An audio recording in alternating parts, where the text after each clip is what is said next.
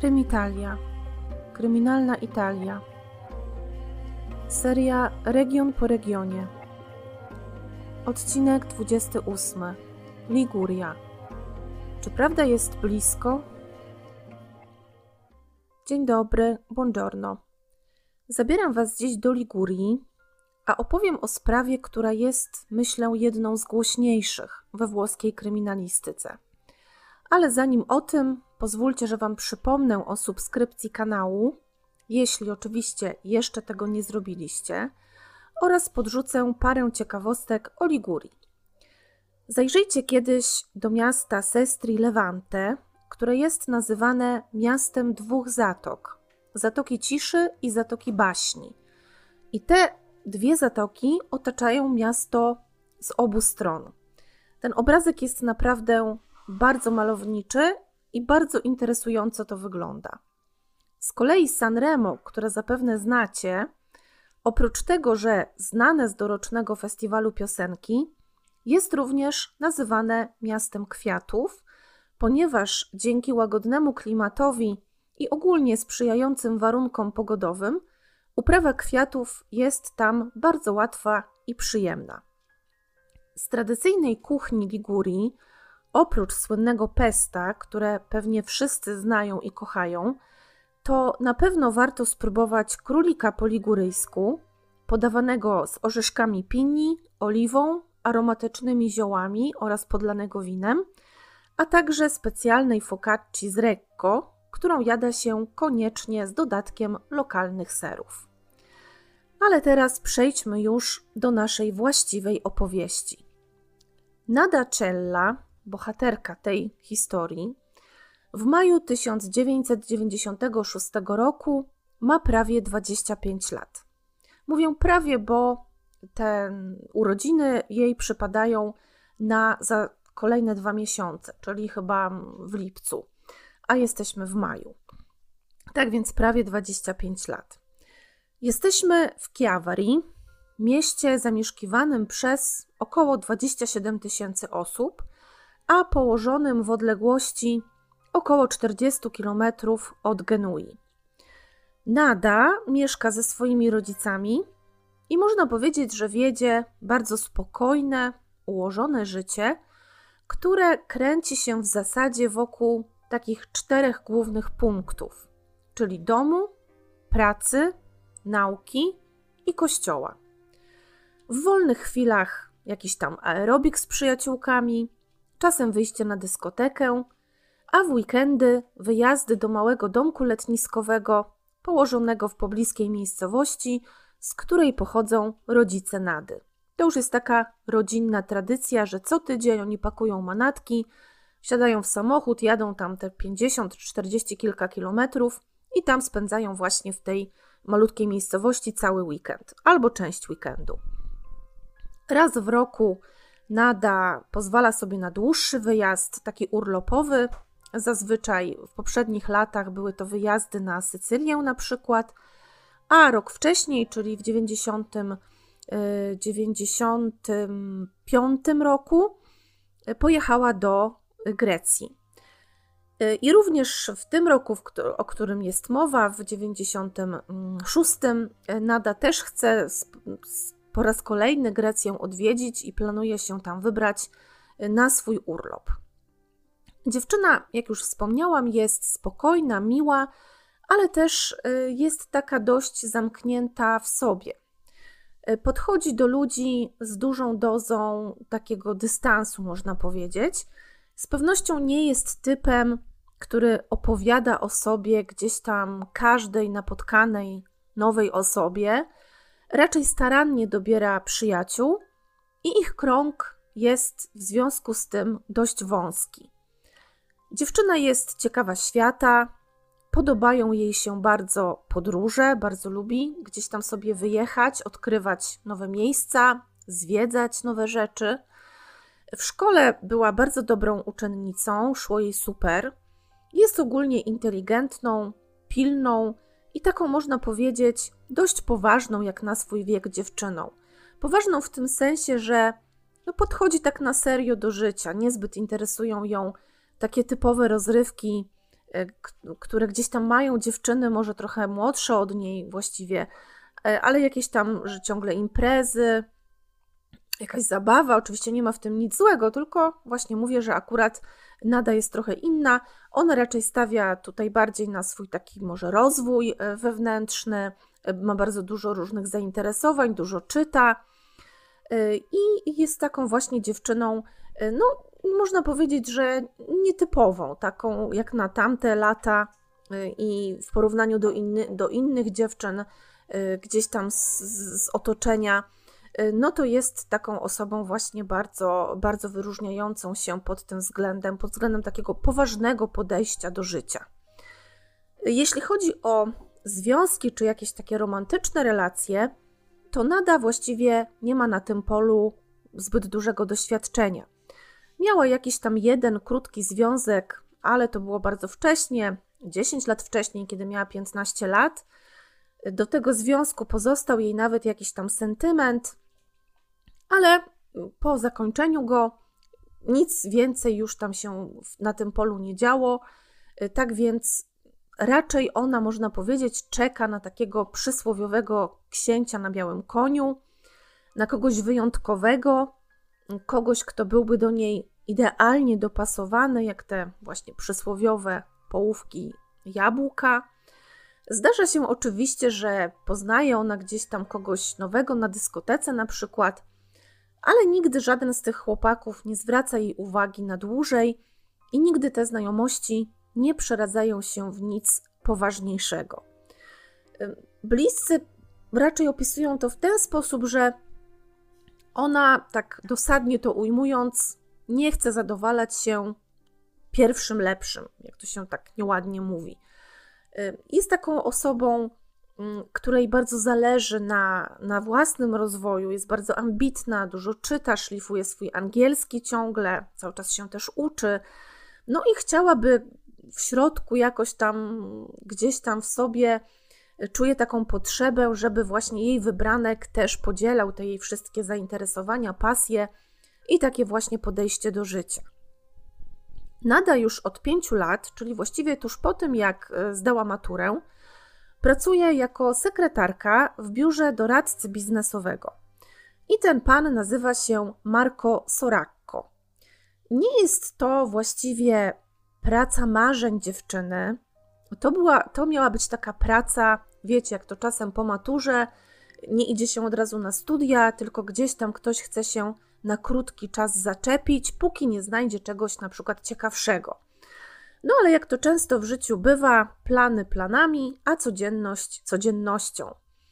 I mimo, że Nada nie jest jakąś wielką fanką tej swojej pracy, to jednak jest na tyle obowiązkowa i odpowiedzialna, że wykonuje ją bardzo dobrze, bardzo sumiennie i poważnie podchodzi do wszystkich swoich obowiązków. Nawet woli czasem zostać w pracy dłużej niż wyjść na przykład wcześniej, bo ma coś do załatwienia. Zazwyczaj częściej się zdarza, że zostaje niż, niż się urywa. Zawsze też doprowadza do końca to, co ma do zrobienia. Jest bardzo drobiazgowa w tej pracy, w tych swoich obowiązkach, skrupulatna, nie lubi tracić czasu. Właściwie każda jej minuta, ona lubi, żeby każda jej minuta była czymś sensownym, zapełniona. No i z pewnością pan Sorakko, jej pracodawca, nie może na to narzekać, ponieważ jest ona naprawdę wzorową pracownicą, y, a ich stosunki wzajemne są, można powiedzieć, poprawne, chociaż on ujmuje to w ten sposób, że raczej powierzchowne, ponieważ Nada nie lubi się nikomu zwierzać i nie lubi opowiadać o swoim życiu prywatnym. Tak więc jest to taka relacja szef, y, pracownica i tyle. Nic więcej na tym polu jakoś tam bardziej się nie dzieje. No i właściwie miejscem takim konkretnym właśnie naszej dzisiejszej opowieści jest biuro, jest miejsce pracy Nady. Jest to pięciopiętrowy budynek, który znajduje się przy Via Marsala 14. Są w tym budynku zarówno lokale mieszkalne, takie normalne mieszkania, w których sobie żyją ludzie, jak i różne biura, siedziby różnych firm, jakieś gabinety lekarskie. No wiecie, jak to wygląda. No i 6 maja od godziny 7 rano, jak właściwie w każdy inny dzień powszedni, w budynku panuje spory ruch. Jak to o tej porze? Ludzie wychodzą z domów, y, idą do pracy, albo przychodzą tam też do pracy. Po, gdzieś tam po klatkach krzątają się y, panie sprzątające. W tamtych czasach mówię panie, bo to zazwyczaj były kobiety, teraz już też się trochę to zmienia. No ale to były lata 90., więc zazwyczaj jako sprzątaczki pracowały kobiety. Y, mamy też tam gdzieś się krzątają, odprowadzają swoje dzieci do przedszkoli i tak dalej. Też przeważnie mamy. Na szczęście teraz już jest chyba taki bardziej równiejszy podział obowiązków, przynajmniej mam nadzieję. No pewnie wiecie, jak to wszystko wygląda, taki poranny rozgardiaż galimatias, jak to w takim normalnym bloku gdzieś tam w każdym większym czy mniejszym mieście. Około godziny 9.01 jedna z mieszkanek tego budynku słyszy taki bardzo dziwny, głośny hałas, który dobiega gdzieś z piętra wyżej. Takie głuche tąpnięcie. Ona pamięta bardzo dokładnie godzinę, pamięta kiedy to się stało, ponieważ jak później zezna, dokładnie w tym momencie spojrzała na zegarek, więc wie, że to była 9.01. I przez chwilę nawet jakoś tam niepokoi, zastanawia ją ten łomot, bo trzeba tutaj, to cały czas ludzie, którzy mieszkają w tym budynku, będą mocno podkreślać, że to jest budynek bardzo cichy, wbrew temu, że tam chodzi dużo ludzi. No, jak to w bloku mieszkalnym, ciągle ktoś się przemieszcza, ale mieszkają tam ludzie tacy no porządni, kulturalni, więc tam nie ma żadnych hałasów, nawet nie ma trzaskania drzwiami, nic kompletnie.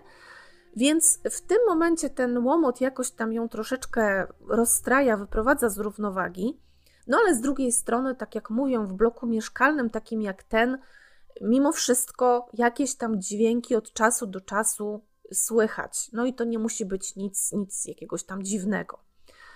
O godzinie 9.12 pracodawca Nady, Marco Soracco, schodzi z piętra, na którym normalnie na co dzień mieszka razem ze swoją matką, do siedziby swojej firmy, która jest położona tam bodajże piętro niżej. Czy on mieszka sobie tam powiedzmy na drugim chyba piętrze, y, a y, nie pamiętam dokładnie, które to było, w każdym razie piętro niżej była położona siedziba jego firmy.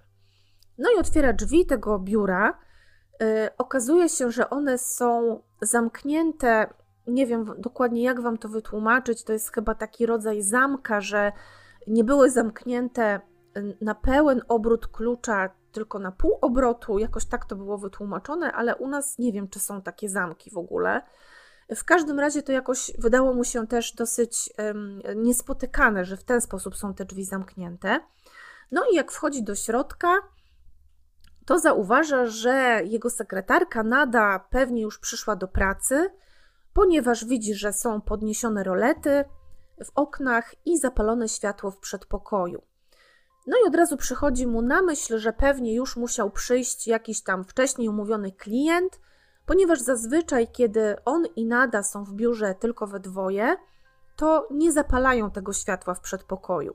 Z kolei Nada za każdym razem zapala je, kiedy właśnie otwiera drzwi jakiemuś klientowi i odruchowo od razu wtedy zapala światło.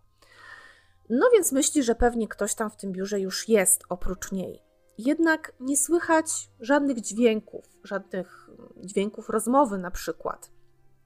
No ale on dalej tam idzie do swojego gabinetu, ponieważ oni pracują w dwóch osobnych pokojach, tam jest jakiś tam e, hall czy, czy przedpokój, no i później są inne pomieszczenia. Jedno zajmuje właśnie szef, a drugie zajmuje sekretarka. I pewnie jest jeszcze jakieś tam pomieszczenie wspólne, czy rodzaj poczekalni. No w każdym razie Marko idzie do swojego gabinetu, który jest położony, no nie przylega do pokoju sekretarki, tak więc jest, można powiedzieć, w jakiejś tam dość znacznej odległości. No i tam w tym swoim biurze kładzie na biurku teczkę z dokumentami, przyniósł y, tę teczkę ze sobą y, i w tym momencie też na biurku dzwoni telefon. Y, Nada, która no, będąc sekretarką w tej firmie powinna odebrać ten telefon, jednak tego nie robi. Czyli telefon sobie dzwoni dalej. Marko więc podnosi słuchawkę, no i chwilę tam, no oczywiście mówi halo, chwilę czeka, ale nikt się nie odzywa po drugiej stronie. No i wtedy przychodzi mu do głowy, że być może nie była to rozmowa taka, że ktoś chciał mm, z, z kimś porozmawiać, wykonać telefon, ale może chodziło o przesłanie faksu. Wiecie, są to oczywiście jeszcze czasy bez wszechobecnych maili, czatów i tak dalej. Komunikacja jednak troszeczkę inaczej wyglądała i faksy w biurach były z pewnością dużo bardziej powszechne niż teraz. No więc postanawia pójść do pokoju swojej sekretarki, żeby to sprawdzić, żeby zobaczyć, czy nie przyszedł jakiś faks. Kiedy jest już koło drzwi tego pokoju, y, słyszy wtedy coś dziwnego. Od razu mu się to jakby rzuca w, w, nie w oczy, w uszy, tak? Od razu mm, słyszy to, jak tam podchodzi. I jest to taki ciężki, niespokojny, jakby urywany oddech. I on wtedy już jest zaniepokojony, przestraszony, wchodzi do środka, do tego pokoju. No i niestety jego oczom wtedy ukazuje się makabryczny wid widok. A mianowicie taki, że jego sekretarka Nada leży na podłodze pomiędzy biurkiem a ścianą, a wokół niej rozlewa się przeogromna kałuża krwi. Marko szybko podchodzi do niej, dotyka jej, no i widzi, że ona jeszcze żyje. Zresztą słyszał ten przerwany oddech wcześniej. Tak więc bardzo szybko biegnie, żeby sprowadzić pomoc. Dzwoni na numer alarmowy, a zaraz potem dzwoni do swojej matki, która razem z ciotką schodzi z piętra wyżej, żeby zobaczyć, co stało się z Nadą. I oni od razu, jak tylko widzą tę scenę, zarówno Marko, jak i jego matka, ta ciotka, to od razu wydaje im się od samego początku, że Nada musiała się gdzieś tam potknąć, że może się przewróciła, uderzyła w coś głową i stąd ta krew. E, wydaje im się też, że mogła na przykład źle się poczuć, może jej się w głowie zakręciło. E, no i wtedy właśnie doszło do upadku, do tego uderzenia i, i utraty przytomności. Tak więc od razu też oni, jak tylko przyjeżdża pogotowie, zresztą pogotowie zjawia się bardzo szybko, już po pięciu minutach od telefonu, to też oni od razu tak mm, jakby ratownikom y, mówią, że doszło do jakiegoś nieszczęśliwego wypadku, że dziewczyna się przewróciła albo zemdlała, uderzyła, no i, i, i strasznie to wygląda, bo jest bardzo dużo krwi. Marko też tam od razu czeka na tych ratowników, jest przed tym biurem, wskazuje im drogę do pokoju Nady. Zresztą jeden z ratowników też od razu ją rozpoznaje, bo jest jego znajomą jeszcze z czasów szkolnych, z dzieciństwa. Nada jest w tym momencie oczywiście nieprzytomna, oddycha bardzo ciężko, z trudem. Ma też nieruchome źrenice, co może świadczyć o jakimś poważnym urazie. No i oczywiście bardzo, bardzo obficie krwawi. Jednak, jak powie później ratownik, ciężko było stwierdzić tak od razu na miejscu, skąd ona właściwie krwawiła. Czy z uszu, czy gdzieś z głowy, czy z tyłu głowy, czy z boku. Y, tak więc już bez dalszych tam, bez dalszego zwlekania i większych ceregieli, oni ją po prostu szybko pakują do karetki i transportują do szpitala. Jej stan jest bardzo ciężki. Y, nawet lekarze sprowadzają też właściwie od razu jakiegoś tam dodatkowego chirurga, żeby pomógł im przeprowadzić operację mózgu, no bo to, to były urazy głowy.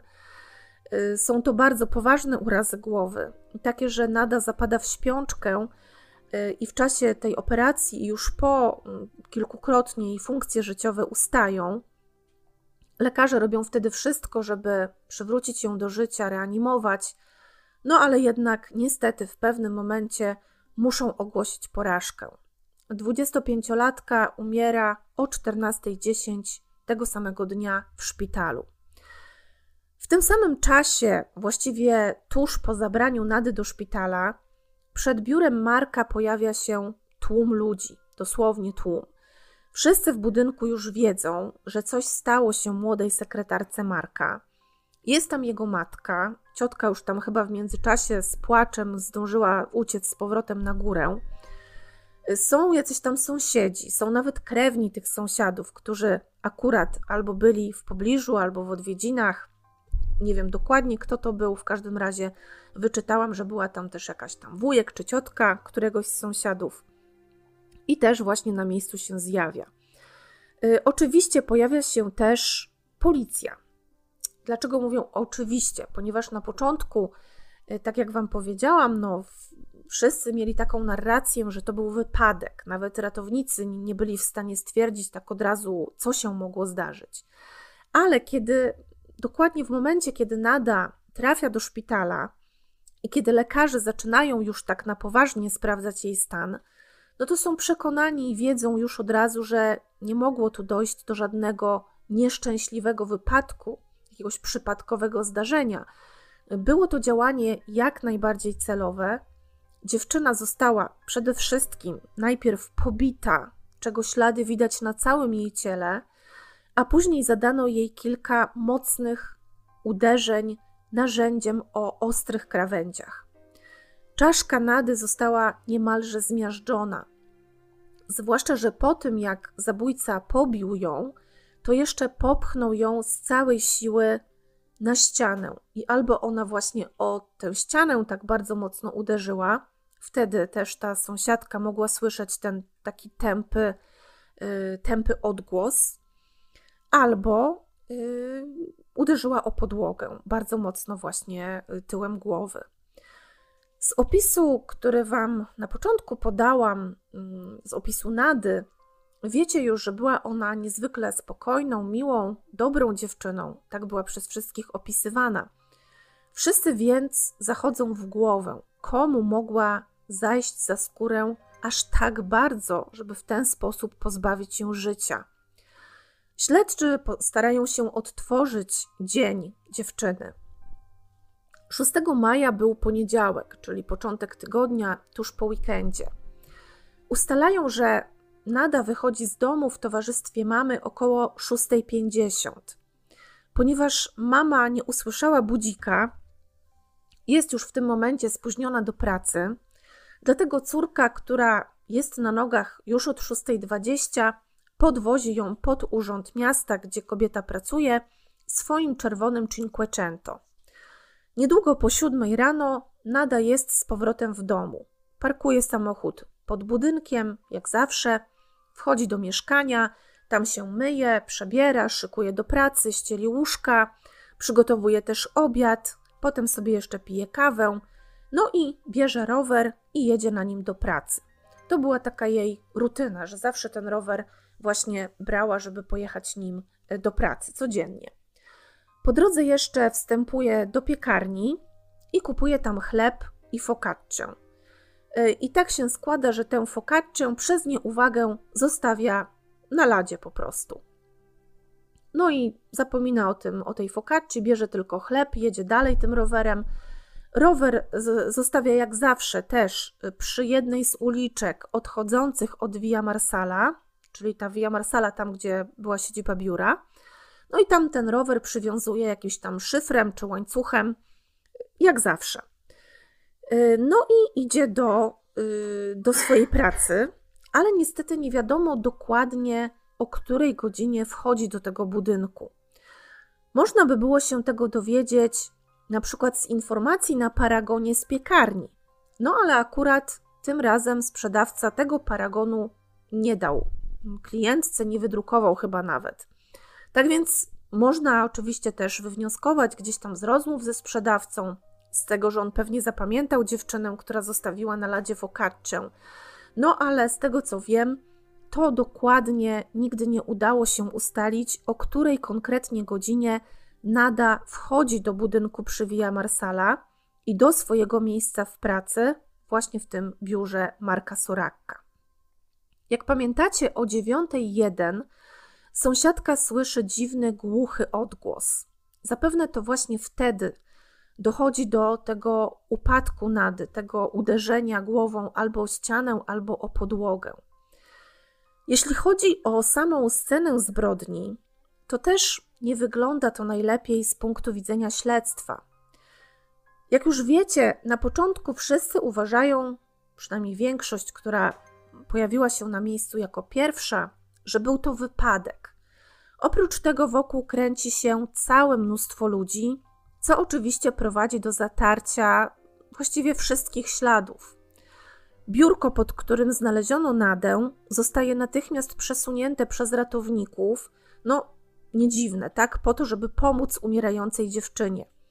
Kiedy jest wynoszona z biura, jej krew jeszcze dodatkowo plami podłogę w tym, w tym pomieszczeniu, w tym pokoju, później też schody. No i to też nie pomaga w pobraniu jakichś ważnych śladów, które już mogły wtórnie, mm, można tak powiedzieć, wtórnie mogły zostać zanieczyszczone. Ulica też nie zostaje od razu zablokowana przez policję, no bo od razu nie wiadomo, że było to morderstwo. Tak więc sprawca tej zbrodni może właściwie odejść niezauważony przez nikogo. Jest niestety jeszcze coś, co właściwie całkowicie uniemożliwia zbadanie większej części miejsca zbrodni. Otóż matka szefa Nady, Marka, ta, z którą mieszka on piętro wyżej, zaraz po tym, jak Nada zostaje przetransportowana do szpitala, co robi?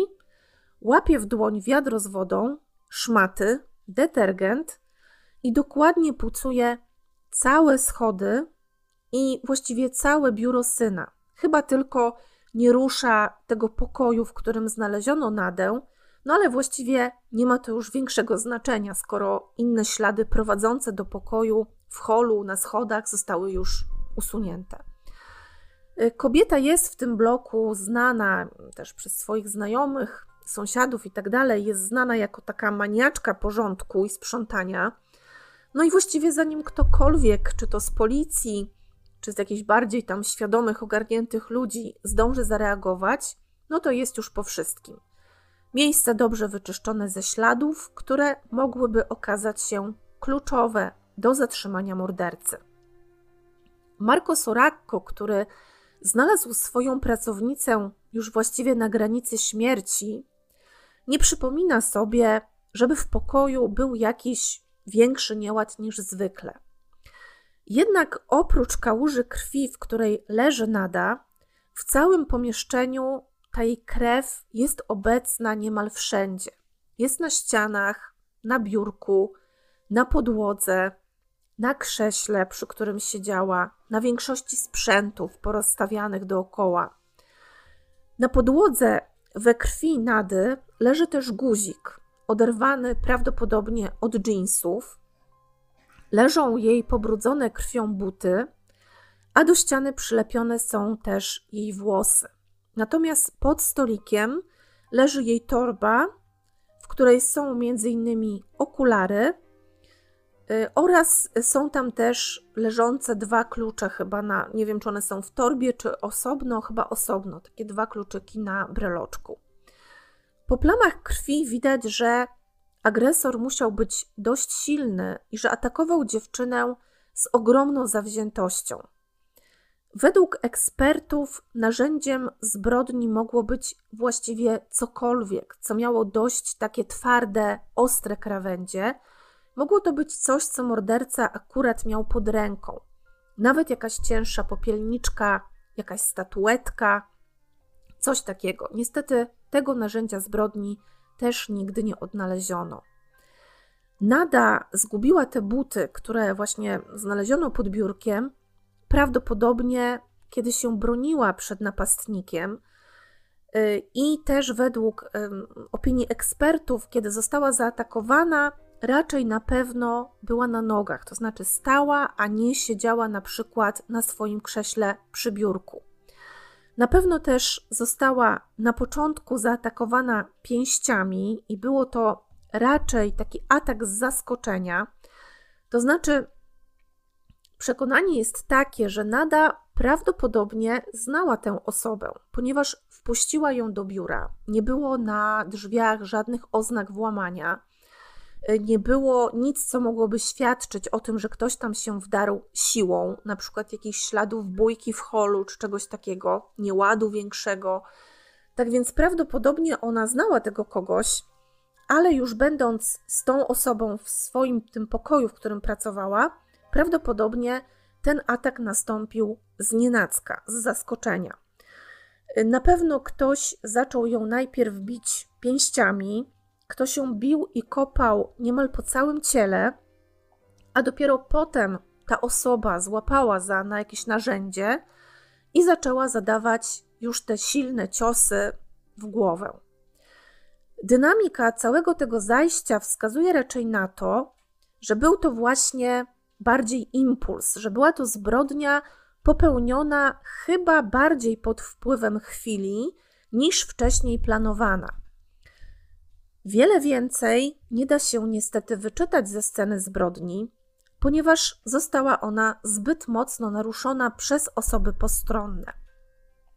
Śledztwo koncentruje się w pierwszej kolejności wokół mieszkańców tego budynku. Policja znajduje na przykład w mieszkaniu pewnej dość niestabilnej psychicznie kobiety. Ona ma jakąś tam historię właśnie chorób psychicznych, takich trochę agresywnych zachowań. No i tam w tym jej mieszkaniu znajdują zakrwawiony ręcznik.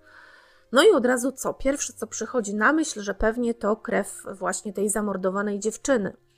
No ale po zbadaniu okazuje się, że z pewnością nie jest to krew Nady, ale była to krew ojca tej dziewczyny, który mieszkał tam z nią i zaciął się przy goleniu. Potem użył ręcznika, żeby tę krew sobie tam zetrzeć. Policja interesuje się też, można powiedzieć, przede wszystkim szefem Nady, czyli Markiem.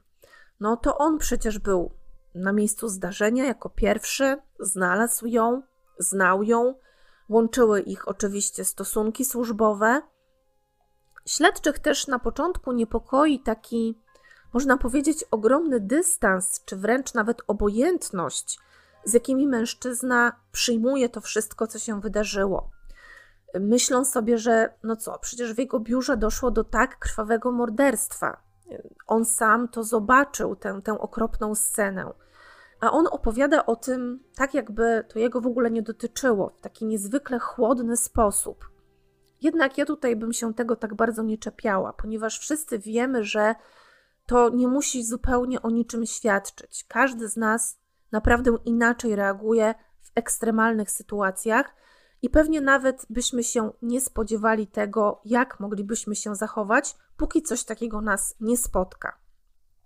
Kolega po fachu Marka, czyli też jakiś tam inny doradca biznesowy z miasta, opowiada, że kilka tygodni wcześniej mężczyzna miał mu mówić, że jego biuro chyli się ku upadkowi i że prawdopodobnie będzie musiał ogłosić jego upadłość. I w tej rozmowie padło też coś właśnie o sekretarce, o Nadzie. Coś on o niej wspomniał, ale ten albo tego nie podano, albo ja się do tego nie dokopałam. W każdym razie nie wiem, co konkretnie on miał w tej rozmowie powiedzieć, właśnie o, o dziewczynie. Marko temu wszystkiemu jednak zaprzecza. Mówi, że wcale czegoś takiego nie mówił, że, że wcale nie miał zamiaru zamykać biura i tak dalej, i tak dalej. Policja odkrywa też, że Nada na dwa dni przed swoją śmiercią zrobiła coś bardzo nietypowego. Coś, czego nie zrobiła nigdy wcześniej ani razu przez pięć lat pracy przy Via Marsala. A mianowicie w sobotę, był to oczywiście jej dzień wolny od pracy, poszła do biura. Ona nigdy wcześniej nie chodziła tam w weekendy. Około 9.30 rano spotkała ją tam matka Marka, ona tam do tego biura co sobotę przychodziła razem z panią sprzątającą i obie tam porządkowały po całym tygodniu pracy, sprzątały i tak dalej. No i kiedy spotkały tam Nadę, no to ona powiedziała, że przyszła, ponieważ ma jakieś tam wątpliwości co do pewnej sprawy, która oczywiście dotyczy pracy, chodziło tam o jakąś klientkę, ona miała się martwić o to, czy coś tam jej dobrze wytłumaczyła, no i że chciała koniecznie o tym porozmawiać z Markiem. No i zadzwoniła więc z tego biura do domu Marka, i to potem on zezna, że to pytanie Nady wydało mu się trochę dziwne, bo on był pewien, że już tę kwestię sobie kilka dni wcześniej wyjaśnili i że absolutnie nie było potrzeby, żeby Nada specjalnie przychodziła po to do pracy w sobotę. No ale rozmowa się odbyła. Po y, zakończeniu rozmowy Nada, jak zauważyła matka Marka, podeszła do komputera, tego, który miała w pracy, wyjęła z napędu jakąś dyskietkę. Mam nadzieję, że pamiętacie jeszcze, co to jest dyskietka. Takie coś kwadratowe, coś tam właśnie do komputera wkładało, miało strasznie małą pojemność, ale coś tam można było pewnie jakieś dokumenty zapisać. No i tę dyskietkę włożyła y, do swojej torby, którą miała na ramieniu. I po pięciu minutach po tym wszystkim wyszła z biura dość mocno taka, mm, można powiedzieć, poruszona w takim pośpiechu. Co ciekawe, jak ustalili eksperci, komputer w biurze został włączony tego dnia w sobotę około 8 rano. A oprócz Nady klucze do biura mieli tylko Marko i jego matka. Oni zgodnie twierdzili, że z pewnością tamtego ranka tego komputera nie włączali. No, matka Marka to chyba się nigdy w ogóle do komputera nie dotykała. Natomiast sam Marko, kiedy Nada zadzwoniła do niego później z biura, mówi, że leżał w ogóle jeszcze w łóżku, że ona go obudziła nawet chyba tym telefonem. Tak więc wynika z tego, że to sama Nada musiała być tam jeszcze godzinę wcześniej i wtedy włączyć ten komputer. Być może na przykład o czymś zapomniała, wyszła stamtąd, zapomniała. Nie wiem, może o tej dyskietce właśnie, o której mówiła matka Marka i wróciła tam jeszcze raz półtorej godziny później, żeby na przykład tę dyskietkę zabrać. Co jeszcze ciekawsze, komputer zostaje włączony ponownie około dziesiątej. No ale wtedy już w biurze nie powinno zupełnie nikogo być, no bo Nada już wtedy wyszła, y, tamte dwie kobiety posprzątały też wyszły. Tak więc jest to dosyć mocno skomplikowane i takie dosyć zagadkowe. No i jeszcze kolejną zagadką jest sama ta dyskietka. Ponieważ matka Marka twierdzi, że Nada wyjęła tę dyskietkę z napędu w komputerze i schowała ją do swojej torebki ale śledczy już później, prowadząc całe dochodzenie, nigdzie tej dyskietki nie mogli znaleźć. Ani w rzeczach Nady w domu, ani w jej torebce, ani w biurze. Z analizy komputera w biurze nie wynikało też, aby cokolwiek było z niego nagrywane na jakiś zewnętrzny dysk. No i właściwie co Nada miałaby zrobić z tą dyskietką, skoro sama nie miała komputera w domu? Może na przykład nagrała ją dla kogoś innego, ale dla kogo? No i w jakim celu? Po co? Wiadomo na pewno, że Nada, tak jak zeznała mama Marka, wyszła w sobotę z biura przed dziesiątą. Potwierdzają to świadkowie, którzy mniej więcej o tej porze widzieli ją przed budynkiem. Następnie po południu Nada i jej mama jadą do Alpepiana, do tej miejscowości, o której mówiłam na początku, w której zawsze spędzali weekendy, położonej o około 50 km od Chiavari. No i tam chcą dołączyć do, y, do taty Nady, y, bo tak, zawsze tak właśnie robią. Taka rodzinna tradycja. Y, później, dzień później, w niedzielę, całą rodziną idą do kościoła, Wszyscy są zresztą też tam bardzo, cała rodzina jest bardzo wierząca, praktykująca, także Kościół też zajmuje takie dosyć ważne miejsce w ich życiu. Potem po mszy jedzą wspólnie obiad, oglądają telewizję. No taki można powiedzieć zwyczajny weekend, spędzony niemal jak zawsze w ich przypadku w rodzinnym gronie. Nie ma tu więc dla śledczych żadnego punktu zaczepienia. Przeskoczmy teraz jednak dzień później, czyli właśnie do feralnego poniedziałku. Śledczy sprawdzają, że komputer w pokoju Nady w biurze zostaje włączony o 7.51. Sęk w tym, że sprzątaczka, która była o tej porze na korytarzu, nie widziała, żeby Nada wchodziła w ogóle do biura. No ale z drugiej strony przecież mogła ją przeoczyć. Nie jest to aż tak bardzo niemożliwe. W każdym razie na pewno osoba, która włączyła komputer, no bo możemy założyć, że była to nada, ale do końca tego nie wiadomo. Tak więc ta osoba pracowała na nim przez około godzinę. I była to praca na dość skomplikowanym arkuszu kalkulacyjnym, który zawierał sporo danych. Około 8.50 z drukarki wyszły dwa wydruki. Co dziwne, jeden z tych wydruków zawiera informacje dotyczące pewnej agencji nieruchomości, która, jak sprawdzają śledczy, nie ma nic wspólnego z biurem doradztwa biznesowego, w którym pracuje Nada. Po co więc ktoś, Nada albo może ktoś inny, miałby w ogóle te dane drukować? No i o godzinie 9.01, czyli jakieś 11 minut po tym, jak z drukarki wypadają te kartki, jak już wiecie, słychać ten łomot. A przynajmniej tak właśnie twierdzi jedna z tych lokatorek. Pamiętacie, że wspomniałam też na początku, że Nada zaraz po wejściu do biura od razu odsuwała żaluzję, zanim jeszcze w ogóle zaczynali przychodzić klienci. No i świadkowie, głównie są to mieszkańcy tego budynku, twierdzą, że w tamten poniedziałek rano oni nie słyszeli o tej godzinie hałasu odsuwanych rolet. To były takie, e, wiecie, takie nie żaluzje, tylko właśnie rolety, ale takie zrobione z takich e, drewnianych listewek, tak mi się wydaje. Mam nadzieję, że kojarzycie, jak to wygląda we Włoszech. W każdym razie na pewno słychać, często słychać, że one są opuszczane czy podnoszone, bo one są dość ciężkie i robią jednak trochę hałasu. No i to mogłoby na przykład oznaczać, że Nada weszła do biura, być może zauważyła coś, czego nie powinna była zauważyć, no i wtedy została zaatakowana, nawet zanim jeszcze zdążyła podnieść te rolety. Y, jak wiecie, jednak, kiedy wszedł tam Marko, to rolety były podniesione. On tak zeznał, że te rolety były podniesione, dlatego pomyślał, że Nada już jest na pewno w swoim pokoju. Tak więc nie wiadomo do końca, kiedy te rolety zostały podniesione i kto tak naprawdę to zrobił.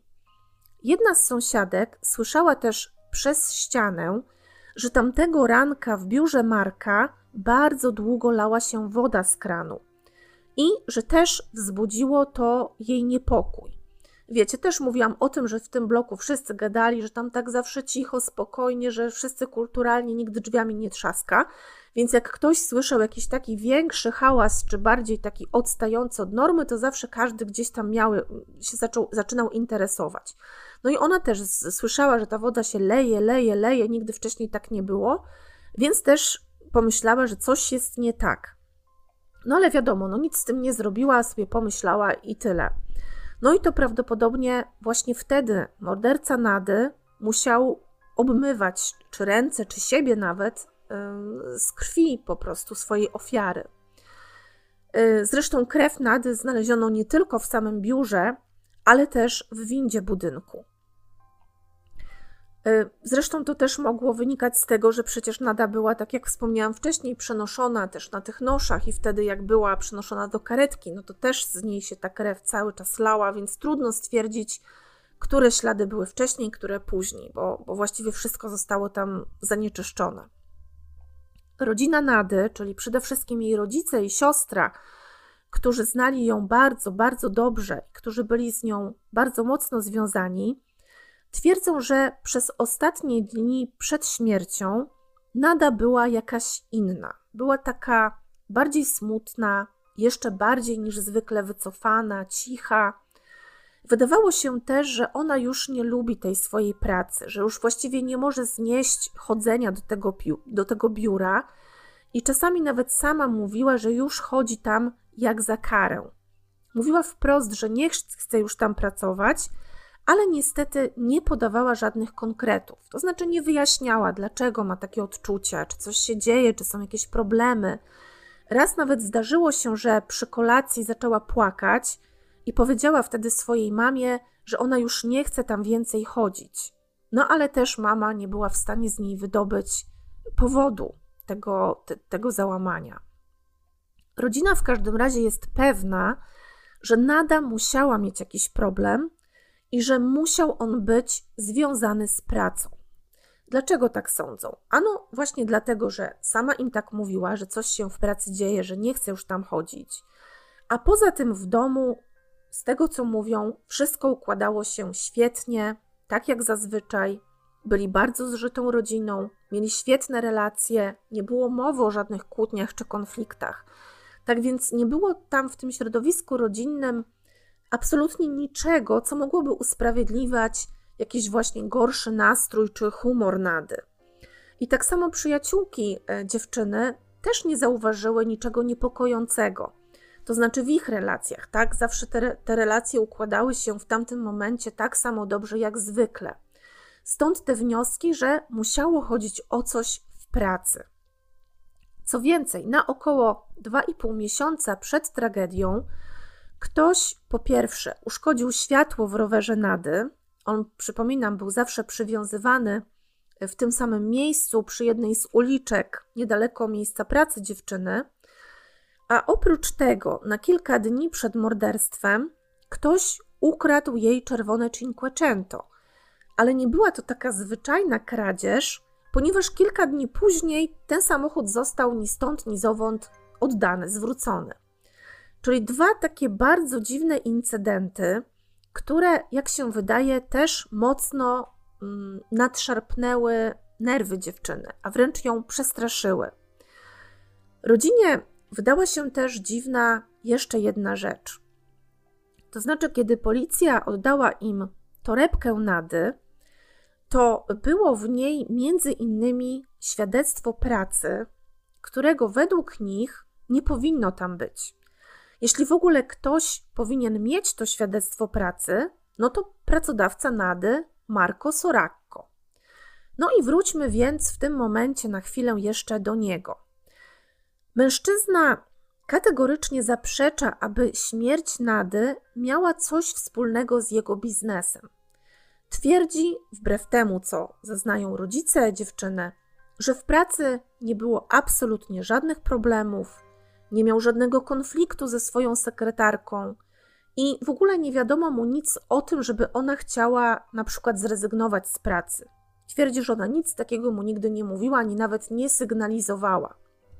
I cały czas podkreśla to, że ich relacja była taką relacją bardzo powierzchowną, że oczywiście czasem sobie pożartowali, czasem sobie pogadali, y, ale były to raczej takie relacje właśnie tylko grzecznościowe w pracy, bo Nada słynęła też z tej swojej takiej właśnie zamkniętości, była introwertyczką, y, tak więc on nawet nie oczekiwał, że ona będzie mu cokolwiek o sobie opowiadać. No ale to jego takie mocne przekonanie, że problem musiał że, że tego problemu nie było w pracy, dość mocno kontrastuje z tym, co zeznali rodzice i siostra zamordowanej dziewczyny. Oni z kolei mówili, że Nada z pewnością jakiś konflikt w pracy miała. Marko twierdzi, że morderstwo musiało być wynikiem czegoś, co zaszło w życiu prywatnym Nady, nie w pracy. No ale policja nie ma żadnego tropu. Przez jakiś czas koncentrują się na znajomościach Nady z tych okazjonalnych wyjść na dyskotekę, no ale i tu ten wątek się urywa, ponieważ właściwie nie ma żadnego sensownego punktu zaczepienia. Od zwyczajne, przelotne znajomości i tyle.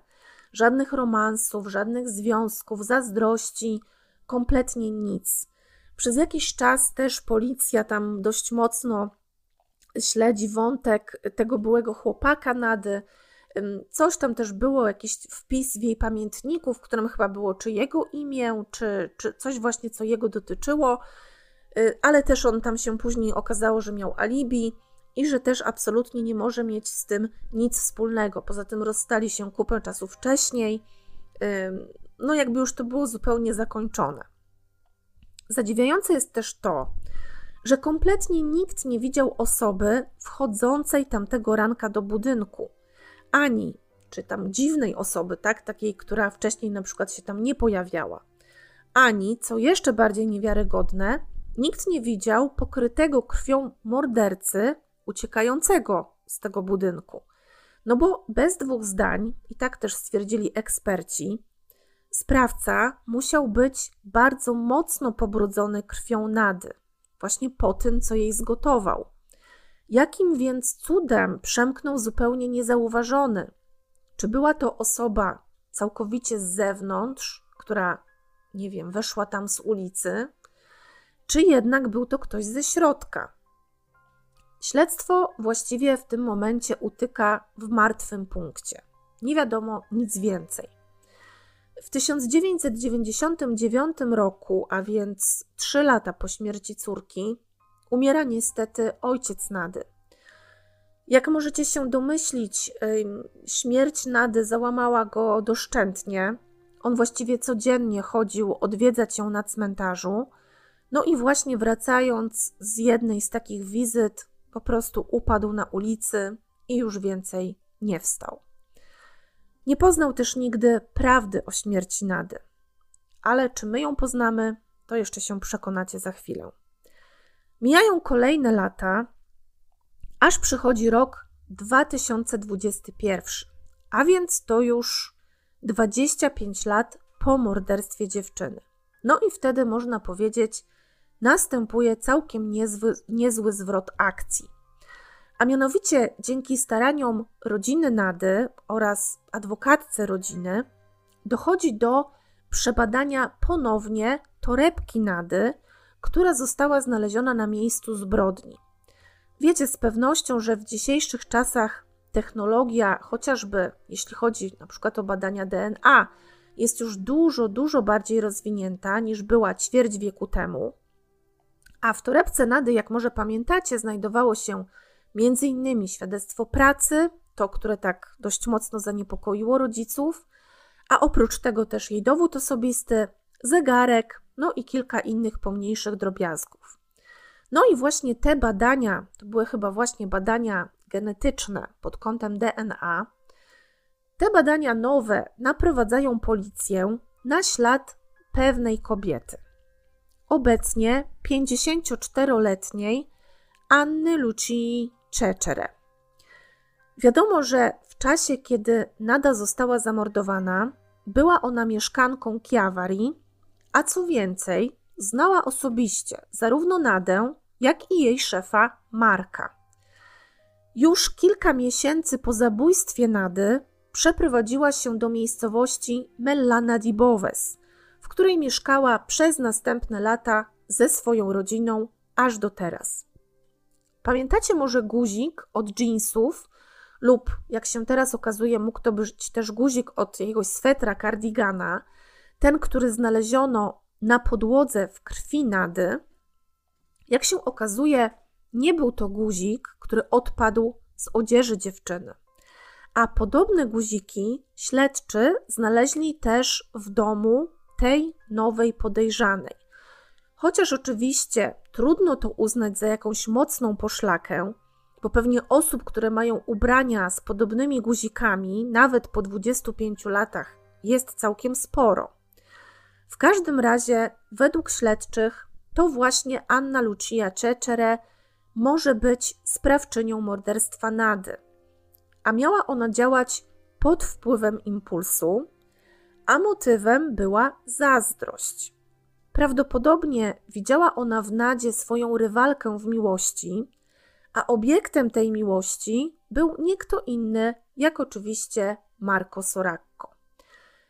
I Anna Lucia chciała zająć miejsce Nady w biurze, prawdopodobnie po to, żeby mieć łatwiejszy dostęp do obiektu swoich westchnień. I w jakiś sposób właśnie Nadzie zaczęła grozić, Y, zaczęła się robić natarczywa, bardzo chciała ją stamtąd po prostu wygonić z tego biura. Tak więc obecnie zarówno Anna Lucia, jak i Marco oraz jego matka, która w tym momencie ma chyba tam z 88 czy 9 lat, są przesłuchiwani. Y, y, ci dwoje, to znaczy Marco i matka, mm, pod kątem współprawstwa w zabójstwie, E, albo zacierania śladów w śledztwie.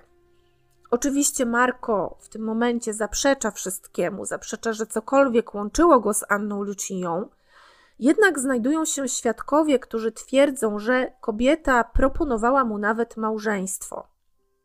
Żeby było jeszcze ciekawiej, przesłuchiwani w sprawie są również członkowie kurii biskupiej, którzy mieli rzekomo wiedzieć o wszystkim, to znaczy o morderstwie Nady, o tym, kto to zrobił, i mieli radzić Markowi i jego matce, aby nie wymieniali nigdy imienia Anny Lucii Czeczere w czasie śledztwa, ponieważ to mogłoby nadszarpnąć dobre imię rodziny. Doprawdy dobre sobie.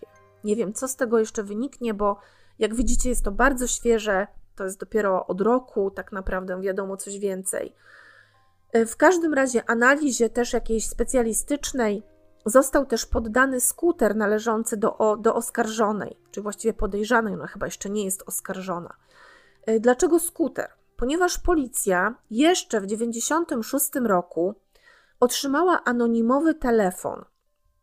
I przez telefon jakaś starsza pani twierdziła, że widziała właśnie konkretnie Annę Luciję, jak rano w dzień śmierci Nady wkładała do pojemnika zamontowanego na skuterze zabrudzone krwią ubrania. Jednak według najświeższych doniesień na tym skuterze nie znaleziono śladów krwi Nady. Ale powiem Wam szczerze, że ja się na tym nie znam i nie wiem, czy po 25 latach faktycznie taka krew dalej byłaby możliwa do znalezienia w ogóle. Skoro to badali, to pewnie tak, ale tak jak mówią, nie mam pojęcia. Co ciekawe, Anna Lucia była też przesłuchiwana zaraz po zabójstwie Nady.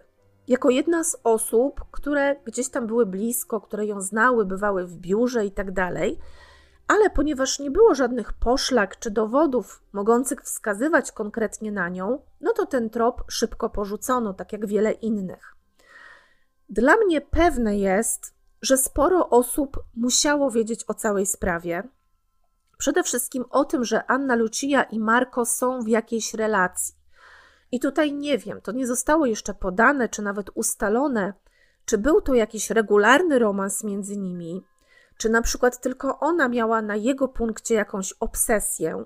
W każdym razie coś musiało być na rzeczy, skoro wypłynęło nawet po tylu latach i znaleźli się świadkowie, którzy jednak mają coś do powiedzenia. Być może Nada też była wszystkiego świadoma. Może Anna Lucia jej groziła. Może robili to oboje z Markiem. No ale oczywiście trudno spekulować.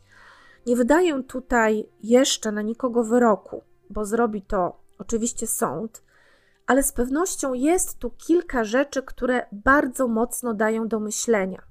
Na przykład, dlaczego matka Marka tak szybko posprzątała miejsce zbrodni? Zrobiła to niemal błyskawicznie, zaraz po tym, jak Nada zniknęła na noszach w karetce. Czy chodziło tylko o to, że była pedantką i że chciała jak najszybciej posprzątać, czy jednak było w tym coś więcej? Dlaczego twierdziła, że Nada zabrała z biura jakąś dyskietkę, chociaż później żadnej dyskietki nigdzie nie znaleziono?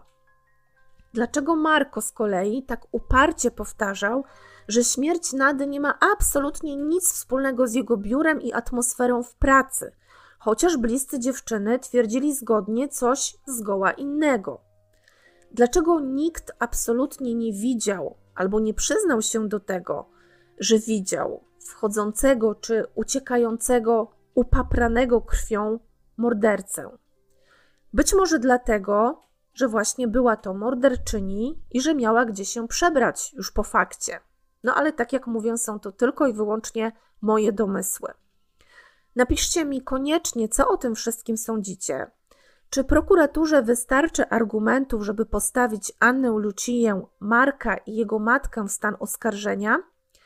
Tu okoliczności sprawy przypominają nieco historię zabójstwa Simonetty Cesaroni. Nie wiem, czy pamiętacie, ale tam również chodziło o zbrodnię w biurze, w miejscu pracy. Też tam spekulowano o komputerach, o znajomościach w pracy poza nią, ale niestety akurat w tamtym przypadku do dzisiaj tamtego zabójcy nie zidentyfikowano. Mam ogromną nadzieję, że w przypadku Nady będzie inaczej i że po tylu latach przynajmniej jej mama i siostra, no bo biedny tata już niestety nie, doczekają się tej sprawiedliwości. Ja dam Wam na pewno znać, jeśli będzie wiadomo coś więcej, jeśli dojdzie do procesu. No i oczywiście powiem Wam, jaki zapadł wyrok. Pozdrawiam Was serdecznie, dzięki za słuchanie i trzymajcie się. Ciao!